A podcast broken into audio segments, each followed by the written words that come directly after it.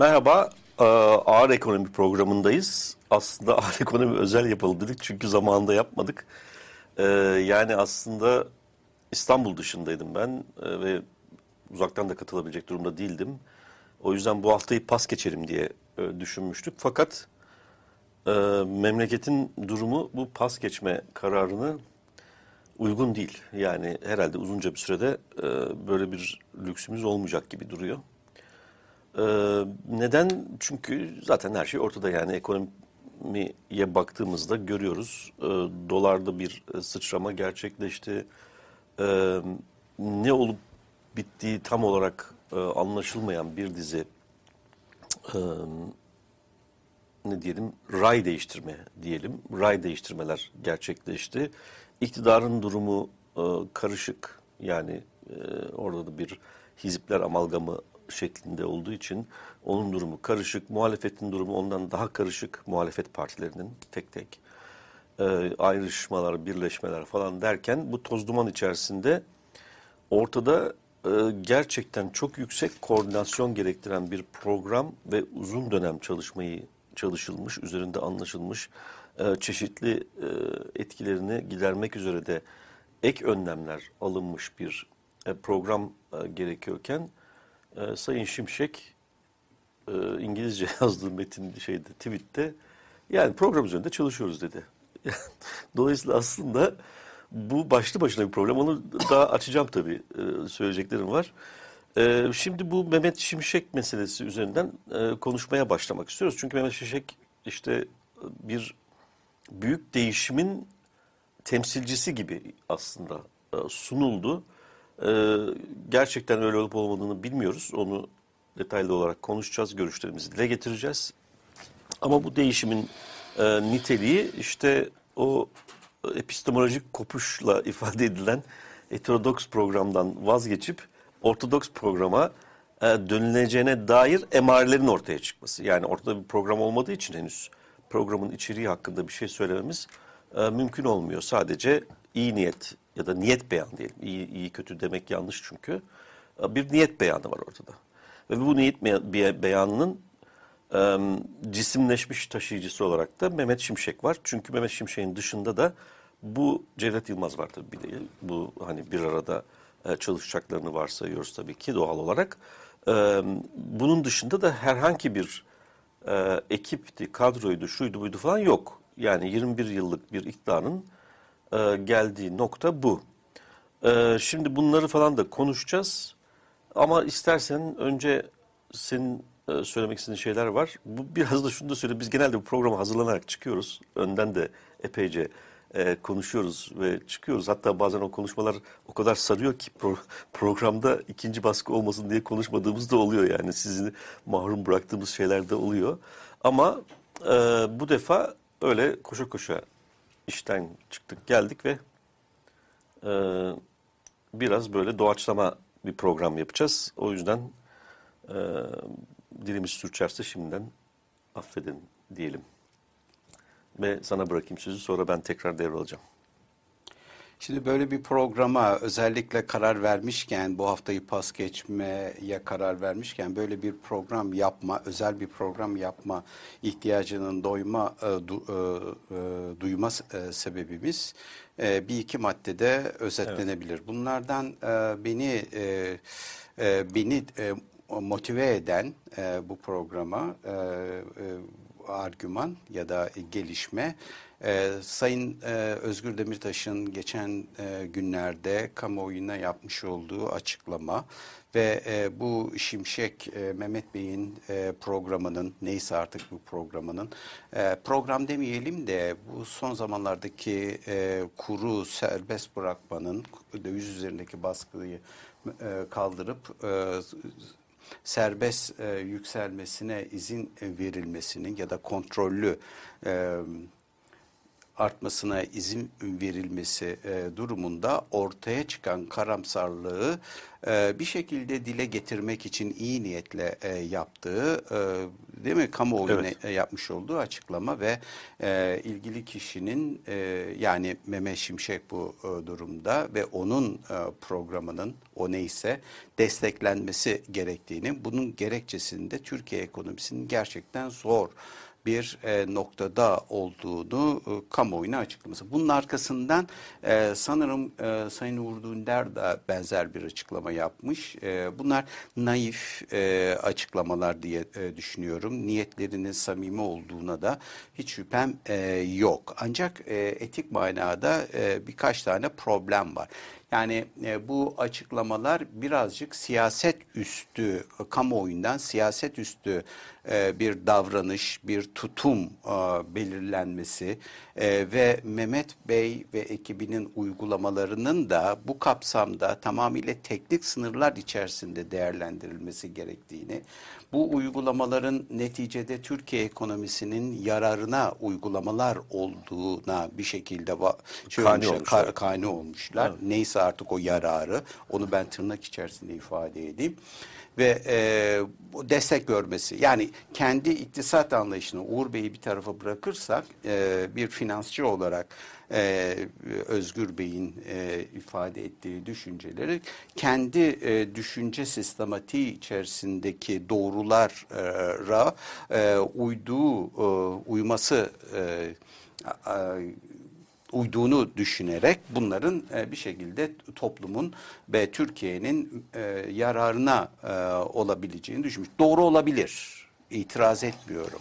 Ama neticede onun kendi kurgusuna göre e, bir doğrudur o E, ve e, iktisat e, da iktisat da iktisatta da e, tek bir doğru yoktur açıkçası. Dolayısıyla onu da bir tarafa koyalım. Şimdi bu konuya şu şekilde yaklaşmak e, lazım. Ben konuya aslına bakarsan Sayın e, Mehmet Şimşek'in görev teslim e, töreninde yapmış olduğu konuşmayla başlamak isterim.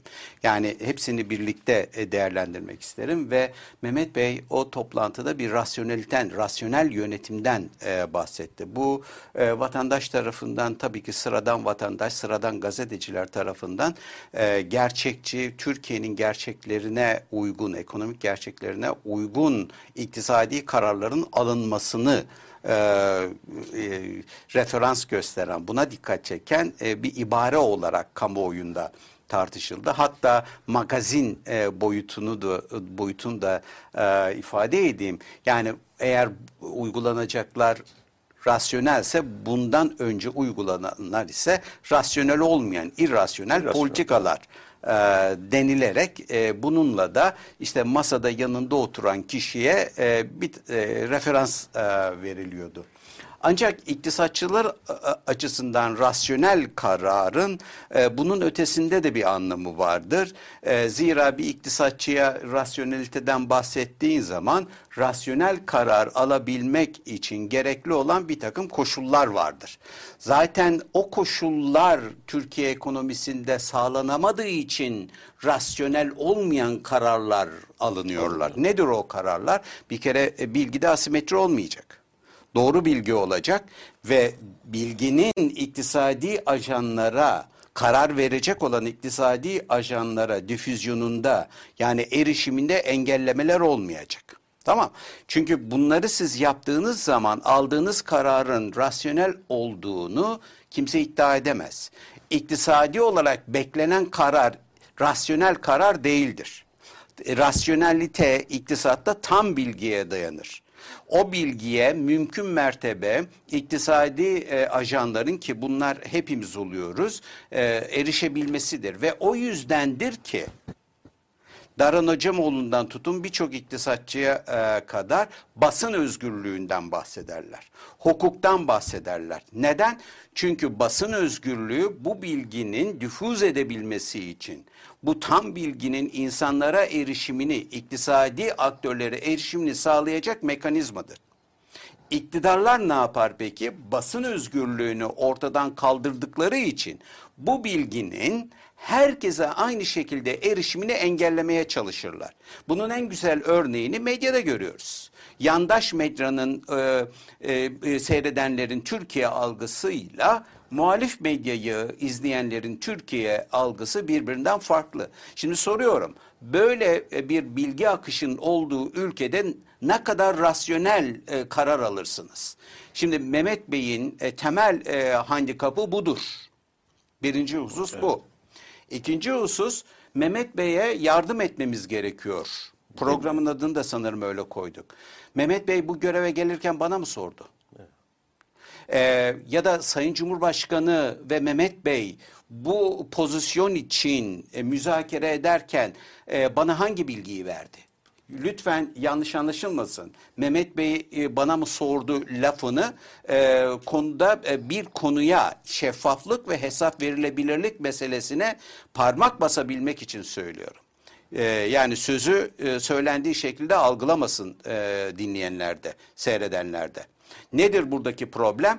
bugüne kadar Mehmet Bey ile Sayın Cumhurbaşkanı arasında ve yetkili makamlar arasındaki gö görüşmeler şeffaflıktan uzak bir şekilde gerçekleşmiştir. Ve hala biz Mehmet Bey e, koşul olarak bütün gazetecilerin sürekli olarak her gün e, gündeme getirdiği bir takım koşullar kabul edildi, edilmedi e, tartışmasına e, sokuluyoruz e, medya şey olarak, e, kamuoyu olarak. Biz Mehmet Bey'in açık bir şekilde hangi koşulu sunduğu ve hükümetin ya da iktidarın da bu koşullardan hangilerine evet dediğini biz bilmiyoruz. Bunun anlamı demek ki Mehmet Bey ile iktidar arasındaki bilgilere biz tam vakıf değiliz. E bu koşullarda e, ben e, e, nasıl yardım edeceğim? Eğer o bilgiye ben e, e, vakıf değilsem ve o bilgilerin bir kısmı benim aleyhime bilgilerse ve benim aleyhime, menfaatime, refahıma aykırı bir takım sonuçlar doğurabilecek nitelikte bilgilerse ben nasıl olur da ya da benden herhangi akademik kimlikte e, olan bir kişi nasıl olur da destek isteyebilir? Yani Mehmet Bey intihar et e, dese ben intihar mı edeceğim destek verebilmesi için? Nitekim uygulayacağı programların, uygulayacağı makroekonomik programların e, bazılarının böyle etkisinin olması kaçınılmaz. Dolayısıyla bu destek meselesini e, gündeme getiren arkadaşlarımız, kamuoyundaki bir takım e, kesimler doğru yapmıyorlar. Doğru yapmıyorlar ne iktidar için ne kendileri için ne de bu ülkedeki insanlar için. Şimdi sen de çok iyi bilirsin yıllardır biz bu konuları çok konuşuruz. Yani burada özel bir gündem olduğu için şey yapıyoruz. Ben... Bir saniye. Bir makroekonomik istikrar Türkiye'de şu anda yapılmak istenen. Dünkü hani e, kurlardaki artışlar, e, inişler, şunlar bunlar. Bunların hepsi bir fiyatlarda denge arayışları. Dolayısıyla kontrollü kontrolü elden ka kaçırmadığınız sürece zaten Problem. olması evet. gereken e, şeyde bunu muhalif iktisatçılar, muhalif kanatta yer alan iktisatçılar siyasi e, partilerde zaten bunu söylediler. E, buradaki sorun iktidar hiçbir şey söylemedi. E, dolayısıyla burada hangi samimiyetten e, bahsediliyor? Hangi vatan millet meselesinden bahsediliyor? Hangi yerli veya millilikten bahsediliyor? Resmen bilgiyi sahiplenmişsiniz ve bunu kamuoyuyla paylaşmıyorsunuz. Ama kamuoyu olarak da bütün eleştiriyi muhalefete yüklemiş. Muhalefet ekonomik programını açıklamıyor. Muhalefet ekonomiyi kiminle yürütmek istediğini ya da yürüteceğini söylemiyor deniliyor. E, iktidara ise bu sorular aynı şekilde sorulmuyor. Dolayısıyla burada da bir adalet yok, denge yok. Şimdi makro iktisadi istikrarı sağlayabilmenin iki tane yolu vardır. Eğer Mehmet Bey şimdi bir program hazırlığı içerisindeyse üzerinde düşündüğü iki tane temel e, soru var. Bunlardan bir tanesi makro istikrara hangi fiyat seviyelerinde, göreli fiyat seviyelerinde Kur. inşa edeceğiz? Çünkü e, bu e, istikrar tedbirlerinin temel amacı budur. Kurlardaki ayarlama da e, bu amaçla e, yapılır. Birincisi bu. E, dolayısıyla bu fiyat mesela ücretler bunun içerisindedir. Mal fiyatları bunun içerisindedir. Dolayısıyla e, verilecek olan karar benim ücretime yani gelirime benim satın aldığım mallara malların hangi düzeyde e, satın alınabileceğini yani satın alma gücüme e, etki edecek kararlardır. Dolayısıyla bu karar siyasi bir karardır. Siyaset üstü e, davranılması ve bu kararın siyaset üstü bir karar olarak e, görülmesini kınıyorum. Bir iktisatçısı, bir kalkınma iktisatçısı olarak. İkinci e, temel e, karar ise e, ekonomideki harcama düzeyinin ne olacağı. Göreli fiyat ve o göreli fiyat yapısıyla uygulanacak olan harcama düzeyi.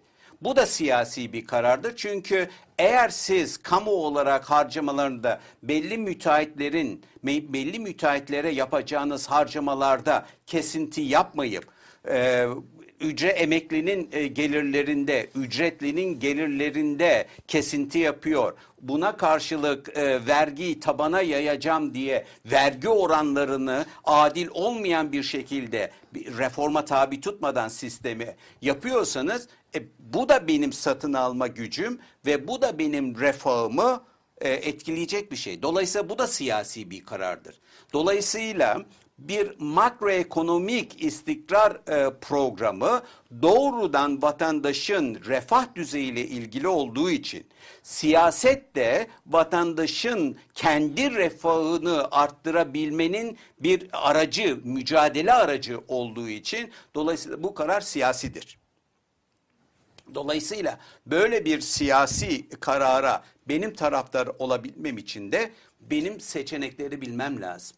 Dolayısıyla körü körüne 19. yüzyıl, 18. yüzyıl milliyetçilik e, mantığıyla ortaya çıkıp 21. yüzyılda 21. yüzyılda 19-18. yüzyılın milliyetçilik kavramıyla çıkıp yerlilik, millilik e, sağlayacağım diye vatandaşa destek söyleyemezsiniz. E, dolayısıyla bu adil değil.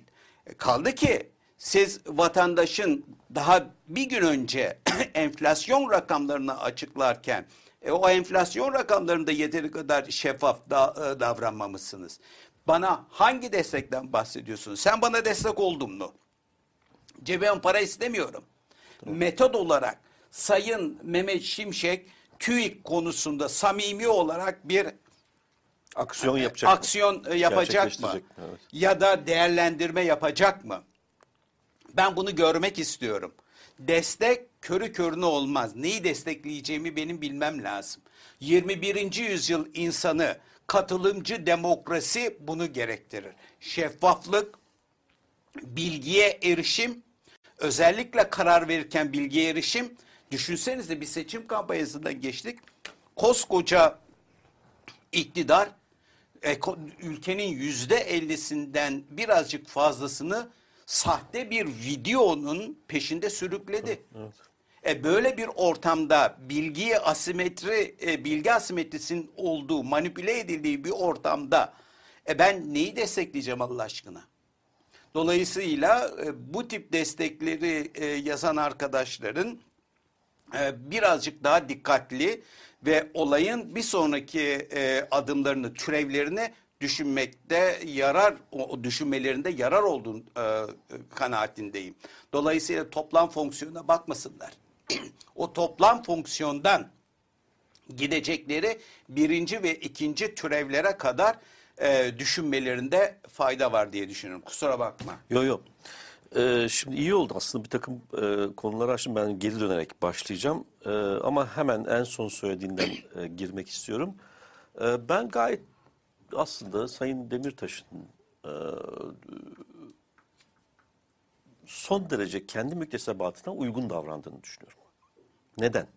Şimdi rasyonelite diye bir e, kavramdan bahsettin. Evet iktisatta rasyonelite önemli bir kavramdır gerçekten.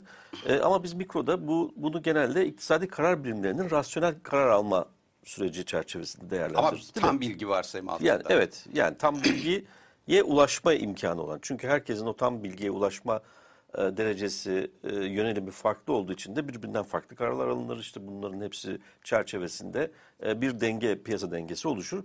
Bu rasyonelite tanımı ayrıca problemli de e, çünkü biliyorsun sosyal bilimlerde e, her her disiplinin aslında bir rasyonelite tanımı var ve iktisadın rasyonelite tanımı bu tanımlar içerisindeki en naif tanımdır.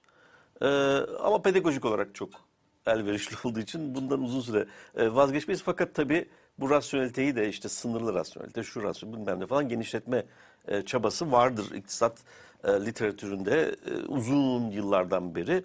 E, bu konuda da dolayısıyla yavaş yavaş bir ilerleme kaydettiğini söyleyebiliriz. iktisadın. Şimdi bireyler bir de tabii kurumlar var ama değil mi?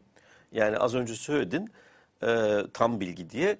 Bu tam bilgiye gerçekten erişme yeteneğine sahip olan ve tam bilgi altında karar veren kurumlar var. Mesela Merkez Bankası. Mesela BDDK. Değil mi? İşte e, özellikle bu dijital e, araçların gelişmesiyle birlikte aslında e, piyasada düzenleyici olarak işlev görmesi beklenen kurumların e, bu tam bilgiye ulaşma yetenekleri çok yükseldi. Ve dolayısıyla bizim e, kurumlar açısından rasyonelite beklentimizde şimdi bireylerde tam bilgi aslında bir prediction, bir, bir öngörü, bir tahmin üzerinde e, gerçekleşir yani onun üzerinden gerçekleşeceğini varsayırız. Bütün e, veriye ulaşma e, açısından hiçbir kısıtla karşılaşmayan bireylerin kendi yetenekleri çerçevesinde bir öngörü karar alarak rasyonel davranacaklarını varsayırız ama kurumlarda öyle değil. Kurumlar çünkü gerçekten herhangi bir öngörüye ihtiyaç duymaksızın tam bilgiye ulaşma şansına sahip olduklarından dolayı aldıkları kararlar o bilgi setinin e, mükemmel hali içerisinde gerçekleşir. Ama şimdi son 20-25 yılda Türkiye'de ve diğer ülkelerde şöyle bir şey çıkmaya başladı. Çünkü sonuç itibariyle bir kurum varsa kurum piyasayı regüle etmek üzere vardır. Çünkü biliyoruz ki piyasa e, bir parça bir parça değil yani bayağı radikal olarak e, anarşik bir karaktere, bir fetişizme e, sahiptir. Dolayısıyla bu, bu serbest bırakılırsa, regülasyon e, uy- uygulanmaz ise e, buradan çıkacak çok sayıda ekonomideki işleyişi bozacak problem e, oluşabilir. Onu engellemek için regülasyon gerekiyor ve regülasyon da işte dediğim gibi e, tam bilgiye sahip kurumlar tarafından gerçekleştiriliyor. Ama bu son 20-25 yıl içerisinde e, kurumlarla iktisadi karar birimleri arasındaki e, mutlak olarak olması gereken izolasyon ortadan kalktı. Yani e, şunu demek istiyorum. En başına hükümeti alalım. Yani hükümette değil mi? Turizm Bakanı turizm e, sektöründe yatırım büyük bir yatırımı olan bir insan. E, işte bilmem Eğitim Sağlık Bakanı, Bakanı. öyle, Sağlık Bakanı öyle. Bu 90'lı yılların ikinci yarısından itibaren bütün dünyada e, bu haldeydi. E, şimdi daha kötüsü e, bir uluslararası yatırım şeyinde aktif olarak görev almak, görev yapmakta olan birisi Türkiye Cumhuriyeti Merkez Bankası'nın da kontrol edecek olan en üst düzeyde tek sorumlu Bakan da işte tek sorumlu bakan olarak getirme ve o da yani finansçı olarak ek- ekonomi yani sosyal boyutu olan e, bir e, bir dizi önemli sosyal etkileri olan e, kararlar alacak ama bu kararları alırken bir finansçı bakış açısı çünkü CV'si bize öyle diyor. Değil mi? Bütün hayatı e, uluslararası yatırım kuruluşlarına geçmiş ve bu uluslararası yatırım kuruluşları açısından Türkiye ekonomisi, Türkiye'nin varlıklarından, Türkiye'nin varlıklarını nesneleştirerek e, faaliyet gösteren e, kurumlardan bahsediyoruz. Ve bugüne kadar hep o düzeyde karar almış, hep o kurumlar için karar almış birisi çıktı geldi başımıza kurtarıcı oldu. İlk e, söylentilere göre tabii şimdi kesinleşmediği için bir şey diyemeyiz ama e, e, Merkez Bankası'nın başına getirilecek hanımefendinin kariyeri de öyle. Parlak bir kariyer olabilir bilemiyorum. Princeton'da bir yılda doktorayı bitirdi diye söylentiler var ama bilmiyorum ben incelemedim. E, yani son derece parlak bir geçmişi ve eğitim geçmişi olduğunu anlıyoruz buradan. E, şeyi de öyle. E, profesyonel hayatı da iyi yerlerde çalışmış. E, ama finans yapmış değil mi? Tamam peki Merkez Bankası'nda hani finans sektöründen birisi çok sırıtmaz diye düşünüp onu oraya alıyoruz. Şimdi bu bağ e, net olarak kuruldukça ve kurumsallaştıkça yani bütün diğer kurumlara da e, sirayet ettikçe şu meşruiyet çok e, oluşmaya başlıyor. Hızlı bir şekilde oluşmaya başlıyor. Bu 12 Eylül öncesinde, şey, aman pardon, e, AKP iktidarının öncesinde de vardı. Yani ben e, bu gözlerimle Galatasaray Üniversitesi'nde e, seminer vermeye gelmiş bir hazine e, Merkez Bankası yurt, yurt dışı yani daha doğrusu hazine operasyonları sorumlu daire başkanı e, şu lafı etti bizim öğrencilere. Biz de oradayız Seyfettin'le beraber. ben dedi işte uzun uzun IMF'le görüşmelere girdiğinden falan bahsetti. Bizim çocuklar da borsa ile ilgili bir soru sordular durduk yere. Biz böyle kıpkırmızı olduk utançtan. E ben de oynuyorum borsada dedi. Şimdi bu iç içe geçmişlik e, kurumsal hale geldi AKP döneminde maalesef. Şimdi bunun yol, şeyi ne, etkisi ne? Bir kere kurumlarla bireyler arasında böylesine büyük bir link oluşmaya başladığında ister istemez yolsuzluk ve e, patronaj ilişkisiyle, klientelizm e, kanalıyla e, kamu kaynaklarının yağmalandığı bir noktaya geliyoruz. Ve bunun adı aslında böyle bütün bunları çerçevesini yapacak olursak pardon feodalizm için yapılan benim çok e, muteber e, bulduğum bir tanım var. Çok kısa ama çok etkili bir tanım. Power in private hands. Yani iktidarın özel ellere, özel ellerde bulunduğu düzene biz feodalizm diyoruz. Kapitalizmle bu ayrışıyor. Şimdi bunun tekrar ortadan kaldırıldığı ve e, tekrar kamu iktidarının, kamusal iktidarın özel ellere devredildiği bir çağa girdik. Dolayısıyla aslında kapitalizmden çıkıyoruz bence. Şimdi niye peki şeyin müktesebatıyla uyumlu dedim. Bu açıklamayı yaptıktan sonra bunu daha rahat anlatabileceğim. Çünkü benim Sayın Demirtaş'la e, bu kadar meşhur değilken bir şeyim olmuştu. E, Twitter üzerinden e, tartışmamız olmuştu. Orada e, işte bu neoliber nedir yani gayet neoliberal bir çerçeve içerisinde Yunanistan krizi başladığında o 2010'da mı 9'da mı neyse işte o dönemde e, Yunanlılar tabii tembel falan filan gibi bu hani o e, neoliberal zırvalara dayanan bir açıklama yapmış videoda bir pro, televizyon programı söylemiş. Onun üzerine ben de e, bir, bir Twitter'dan gönderince ben de oradan bir cevap yazmıştım falan öyle bir şey yapmış tartışma yapmıştık diye hatırlıyorum. Şimdi ilk oradan zaten iktisatla uzaktan yakından ilgisi olmadığı anlaşılıyordu. Sonra ikinci kez ben artık e, isim vermeden eleştirdiğim bir iki yazı yazdım hakkında. Ama bu e, merkeziyetsiz finans, kripto gibi meselelerde çok bayraktar bir e, kişilikti. Ama orada dile getirdiği görüşler kendisi farkında mı bilmiyorum ama e, su katılmamış anarko kapitalist görüşlerdi. Yani piyasada hiçbir e, düzenleyici kurum olmasın, e, bırakalım gitsin düşüncesindelerdi. Dolayısıyla burada sürekli büyüyen bir kaydi para ortamında e, söz söylemeye, e, analiz yapmaya alışmış bir insandan da bahsediyoruz. Ama iktisatta öyle bir durum yok. Sayın Demirtaş'ın bunu ilk başta öğrenmesi gerekiyor. Yani biz sıfır toplamlı bir yerdeyiz. Maliyetsiz olmaz. Maliyetsiz değil. Marjinal maliyet pozitif evet, her zaman. Sıfır toplamlı bir yerdeyiz bir de şeyden bölüşüm açısından baktığın zaman. Yani burada e, kaydi olarak sınırsız ölçüde büyüyen e, fiyat değişimleri üzerinden yapılan kontratlar artık kriptoya geçtiğimizde zaten sadece fiyatlardan oluşan bir dünyadan bahsediyoruz. Değerli bir bağı olmayan bir dünyadan bahsediyoruz. Burada şimdi detaylarını konuşmaya gerek yok. Ben ama Medyaskop'ta e, dört tane arka arkaya yazı yazdım bu konuda zaten. E, bunun detaylarını orada izleyiciler, merak eden izleyiciler e, bulabilirler. E, ama bu sürekli büyüyen kaydi para e, düzeninde ki bu da işte zaten bunun siyasi e, görüntüsü popülizmdir. Bizim ya da işte genel olarak popülizm olarak benim neofaşist internasyonel diye adlandırdığım e, siyasi hareketler bunun siyasi şeyini yaparlar. Ve metaverse ideolojisi, teknolojiden bahsetmiyorum. Metaverse ideolojisi de bunun yeni kurulmakta olan sınıflı toplum tahayyülünün en çıplak gözüktüğü e, şeydir. E, ne, ne, ne diyelim e, alandır. Ve bunların hepsinde en büyük savunucusu. O yüzden bana hiç şey gelmiyor. Çünkü feodalizme bakacak olursak, tabii teknofeodalizmden bahsediyorum ben ama feodalizme bakacak olursak yani e, iktidarın özel ellerde olduğu bir düzenden bahsettiğimiz zaman e, orada özgür bireyden bahsedemeyiz.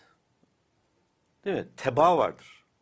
Dolayısıyla iktidarda birisi şeyse, e, bir şey bir laf ediyorsa, bir aksiyon alma peşinde koşuyorsa, teba onun ne yaptığını sorgulama yeti, e, ehliyetine sahip değildir. Ona sadece tabi hisseder kendisini, tabi olur. Dolayısıyla eleştirel yaklaşmaz. Dolayısıyla hemen kabullenir ve onu e, hayatının bir parçası haline getirebilir. O yüzden ben hiç şaşırmadım Sayın Demirtaş'ın bu e, yaklaşımından. Tam da ondan beklenebilecek bu müktesebatı bu şekilde, onun bu müktesebatını bu şekilde ele alacak olursanız tam da ondan beklenebilecek bir e, tavır diye e, görüyorum. Ama tabii şimdi şöyle bir başka problem de var. Bu kurumların ortadan kalkmasının e, e, en en en en somut sen de altını çizdin. E, şimdi biz seçim süreci yaşadık değil mi? Bir seçim yaşadık. Bu seçim e, propaganda dönemi başlamadan aşağı yukarı bir buçuk yıl önce, iki yıl önce e, muhalefette kalabalık bir ekip çalışıyor diye duyuyorduk. Değil mi? Yani bir kısmını tanıyorduk, bir kısmını bilmiyorduk kim olduğunu falan. Ama bunlar düzenli çalışıyorlar, bir şey yapıyorlar. Ve ne yaptılar? Eninde sonunda Eylül ayında, 2022'nin Eylül ayında yani seçimden e, aşağı yukarı 8-9 ay önce biz çok eleştirdik, çok geç kaldınız diye e, bir program koydular ortaya.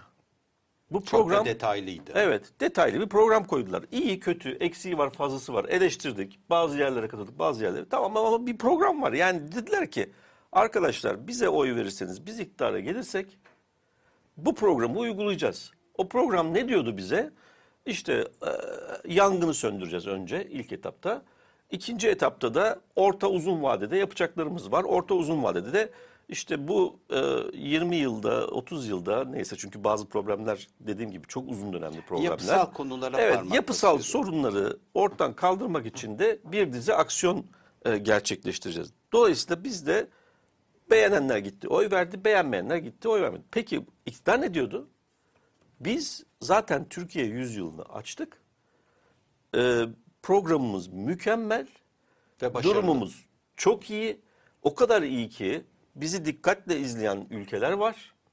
Ve bu ülkeler e, bizim e, enflasyon problemine getirdiğimiz özgün bakış açısını çok kıymetli buluyorlar.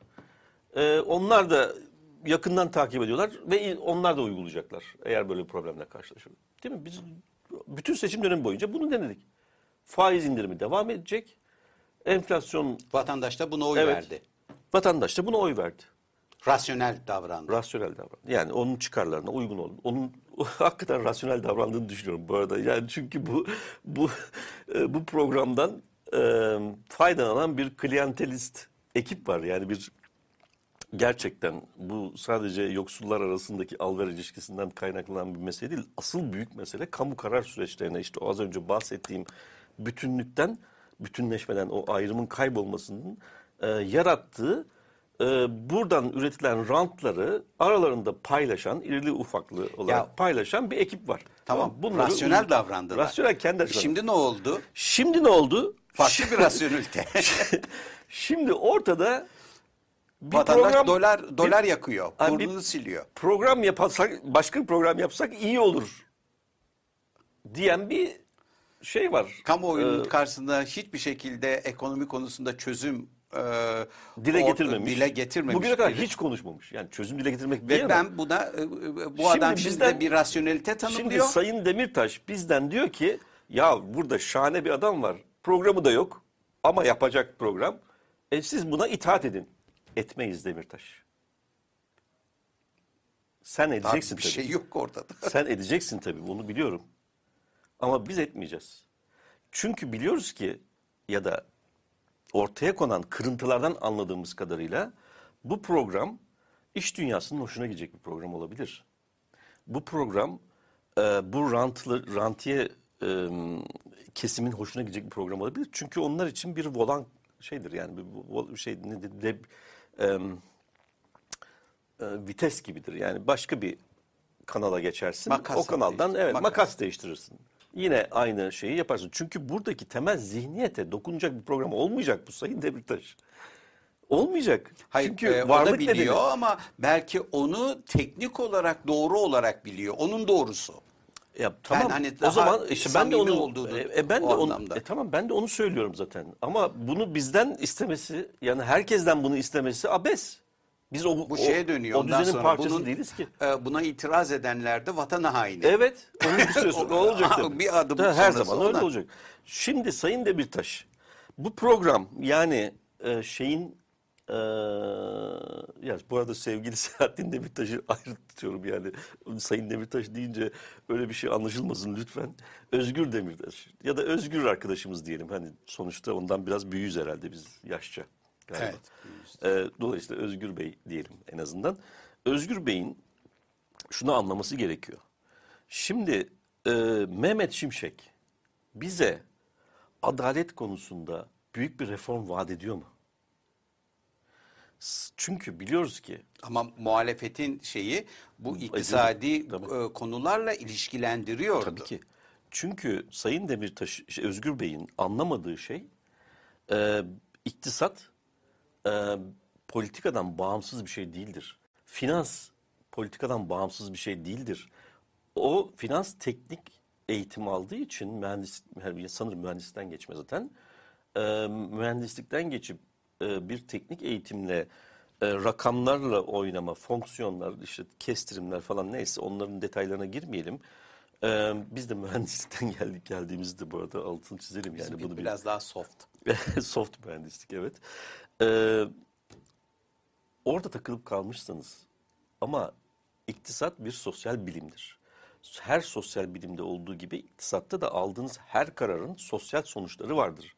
Şimdi siz burada o sosyal sonuçların ne olacağını e, deklare etme, edilmemiş, henüz sosyal sonuçların ne olacağı belli olmayan, ortada olmayan bir program e, üzerinden biat etmemizi ya da işte bunu desteklememizi e, istiyorsanız bunu yapmayız. Çünkü biz biliyoruz ki Sayın e, Şimşek'in bu düzeni değiştirebilecek gücü yok, niyeti yok. Çünkü bu düzenin bir parçası olarak faaliyet Ben gösterdi. o kadar ileri gitmiyorum ama bilgim yok. Yani böyle bir niyetinin olup olmadığı E, e, konusunda. Ben, ben ben geçmiş dönemdeki şeylerden bakarak E, yani tabii. yakın zamana kadar böyleydi yani. Şimdi Ama şu anda da için kimin bir- ne yapmak istediğini bilmiyorum Evet, ben. göreceğiz yani ne- Sayın Yakın. Cumhurbaşkanı'nın ne e, şimdi AKP içerisinde birkaç tane grup var.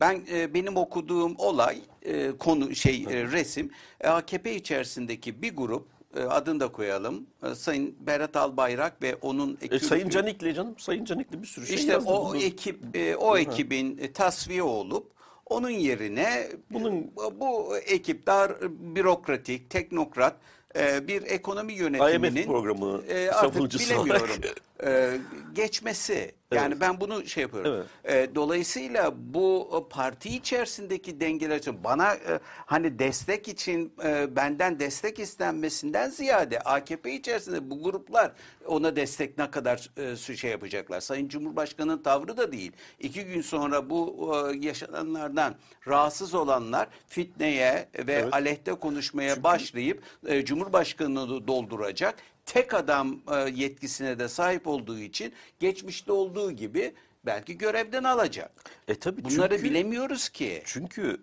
e, bundan önceki programın yani e, düşük faiz programının e, kaynağı itiraz edilebilecek bir kaynak değil ki. Nas. Değil mi? Yani inançla ilintili bir şey. Mutlak bir şey. Mutlak bir şey. Yani bunun eleştirilmesi, değiştirilmesi, itiraz edilmesi falan onu ancak uyarsın. E şimdi o zaman başka bir program varsa ortada ve bu programın rasyonel olduğu söyleniyorsa e o zaman oradan bir şeyler çıkartıyoruz. Bir e, çıkarım yapıyoruz ama bu iktidar bloku e, varken ortada bu iktidar blokunun parçası olarak faaliyet göstermiş. Sonra kendisi kovulmuş. Bunu öyle demekte fay- şey yani bir, bir, bir, bir, bir sakınca yok. Çünkü bayağı bildiğiniz işten çıkarma e, yapıldı ve hain ilan edilerek işten çıkartıldı üstelik. Ve bu işten çıkartıldıktan sonra da işte o eleştirilmesi mümkün olmayan bir başka e, iktisat programına geçildi. Şimdi bu çağrıldı. Peki iktidar blokunda ne değişti de bu arkadaş geldi?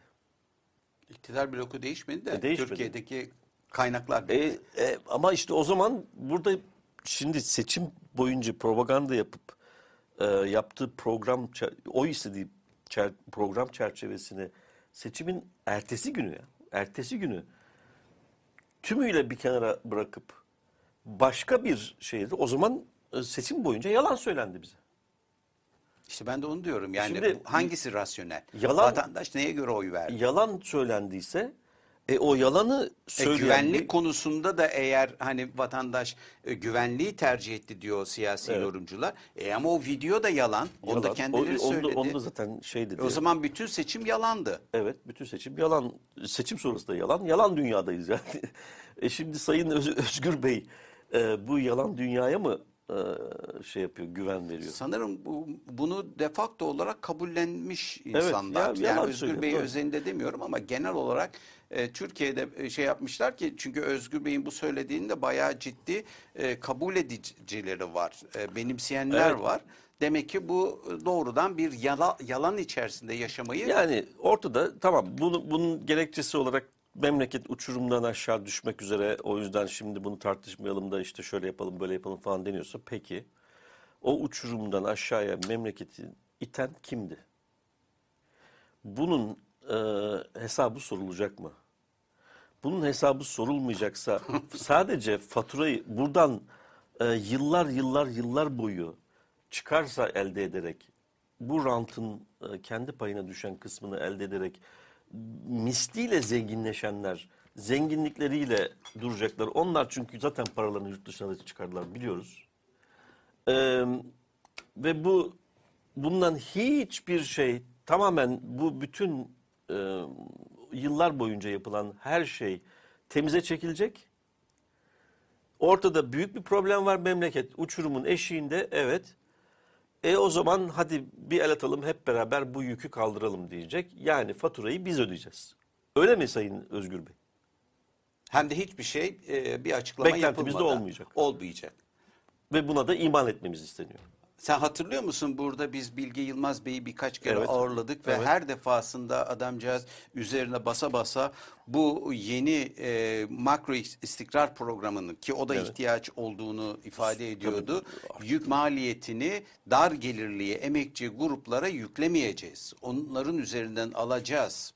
Bunları ikame edeceğiz. Başka yöntemlerle e, tamamlayacağız. Ve e, onun için de o- daha üst gruplardan e, vergi alacağız. Evet, yani- Servet vergisini de bu kapsamda Evet, tartışıyorduk. Yani sadece e, Bilge Yılmaz'la çalışan, Bilge'nin söylediği kadarıyla e, 35-40 kişilik bir ekip var. Evet.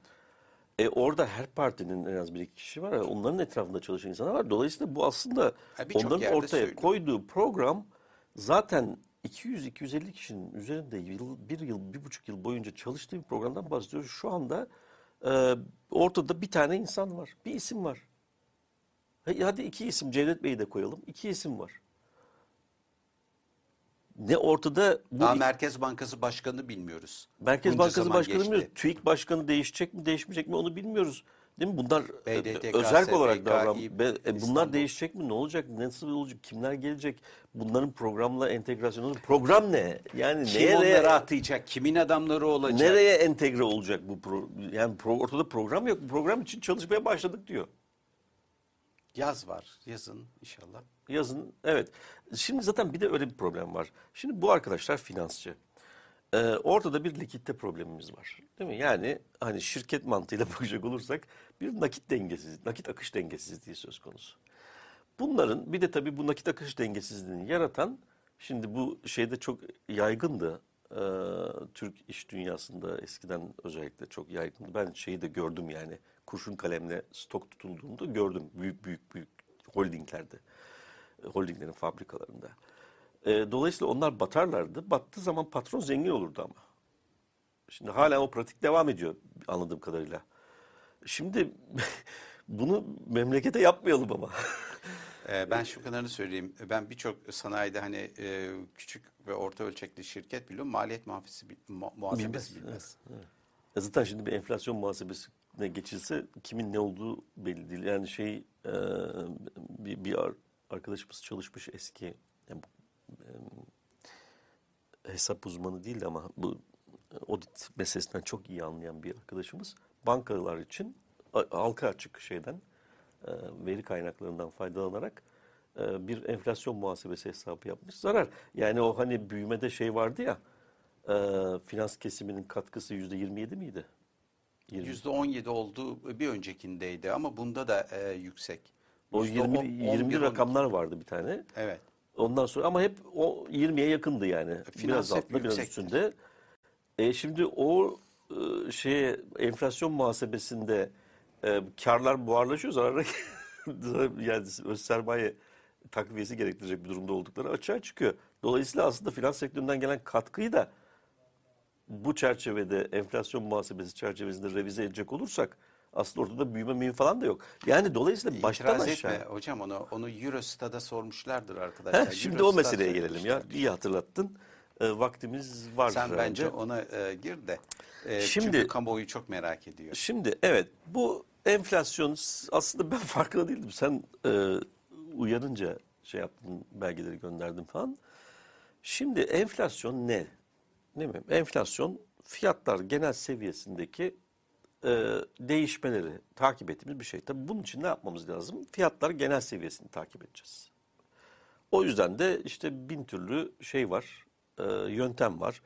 E, biz bunun en basitini uyguluyoruz. Aslında işte biraz literatürü, bu literatürü takip edenler hedonik fiyat endekslerinden tut bilmem neye Evet, kadar kalite düzeltmesi, şu bu yani Eurostat'ın müktesebatında olan şeylerdir bunlar. E, Her biri için büyük büyük, raporlar da vardır. E, bunlar da var ama biz neyse basite gelelim. Şimdi bizim TÜİK'ten şikayetimiz var. Değil mi? Niye? Çünkü diyoruz ki ya bizim e, gerçekte gördüğümüz durumla e, şey arasında TÜİK'in gördüğü arasında bir fark oluşmaya başladı. Nereden diyoruz bunu? E çünkü işte e, TÜİK TÜİK'le aşağı yukarı benzer işleri yapan bazı kurumlar da var. Uzun yıllardır ama böyle yani ne bileyim onlarca yıldır bu işi yapan kurumlar var. Ve bu onlarca yıl boyunca bu endeksler hep beraber hareket etmişler. İTO endeksi. İTO'dan bahsediyorum. Beraber hareket etmişler. Ama son bir, bir yılda, bir buçuk yılda bunlar arasında büyük bir ayrışma. Daha fazla hatta birkaç yıldır.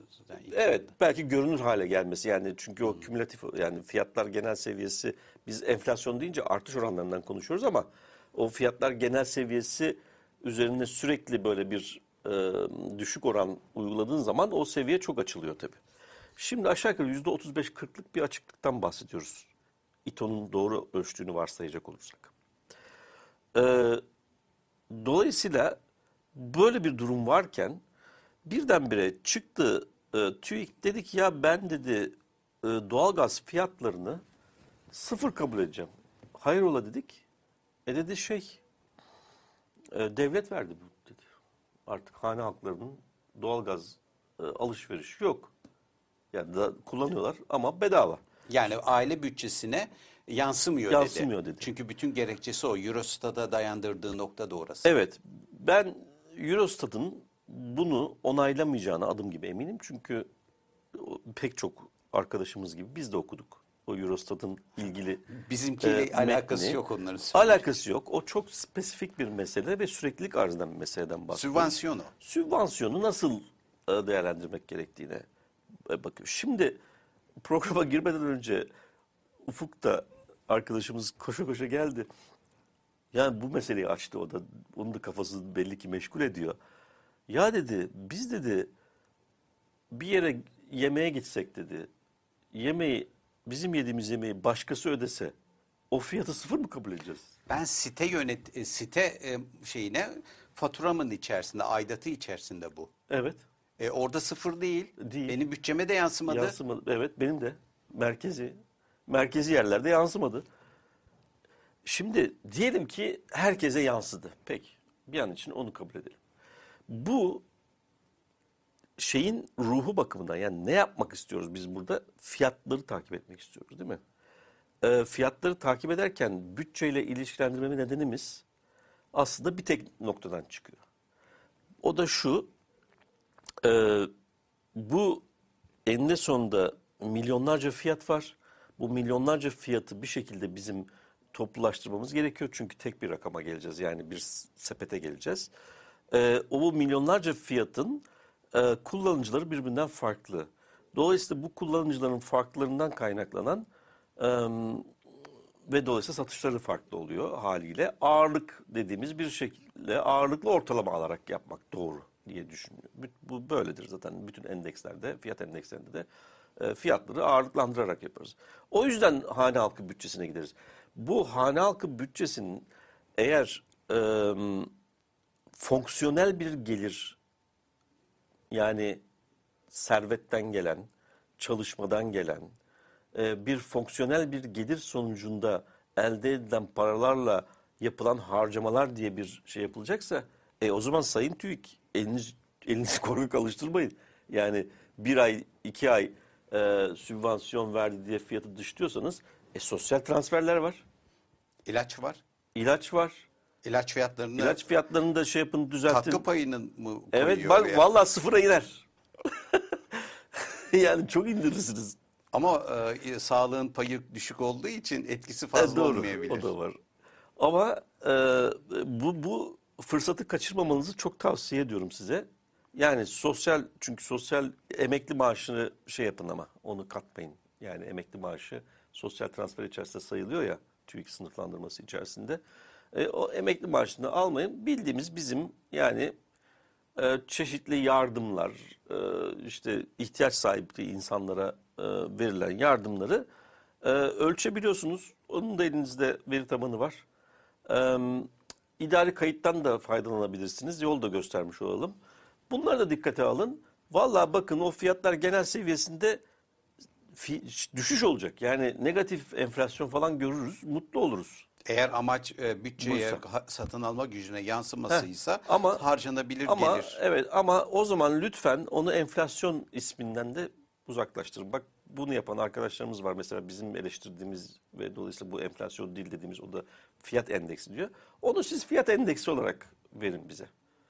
Şimdi bu yaptıkları aslında bir suç. Ben sendikaların yerinde olsam ki zaten disk galiba e, harekete geçmiş. Bunun kişisel bunun altında imzası olan yöneticilere kişisel olarak tazminat davası açılabilecek bir hikayedir.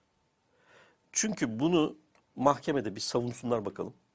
Buradan o davayı açan arkadaşlarımıza e, şunu da söyleyeyim kendi adıma. Eğer dilerlerse ben bildiğim kadarıyla e, destek vermeye de hazırım. Yani bu konularda çalışan meraklı birisi olarak.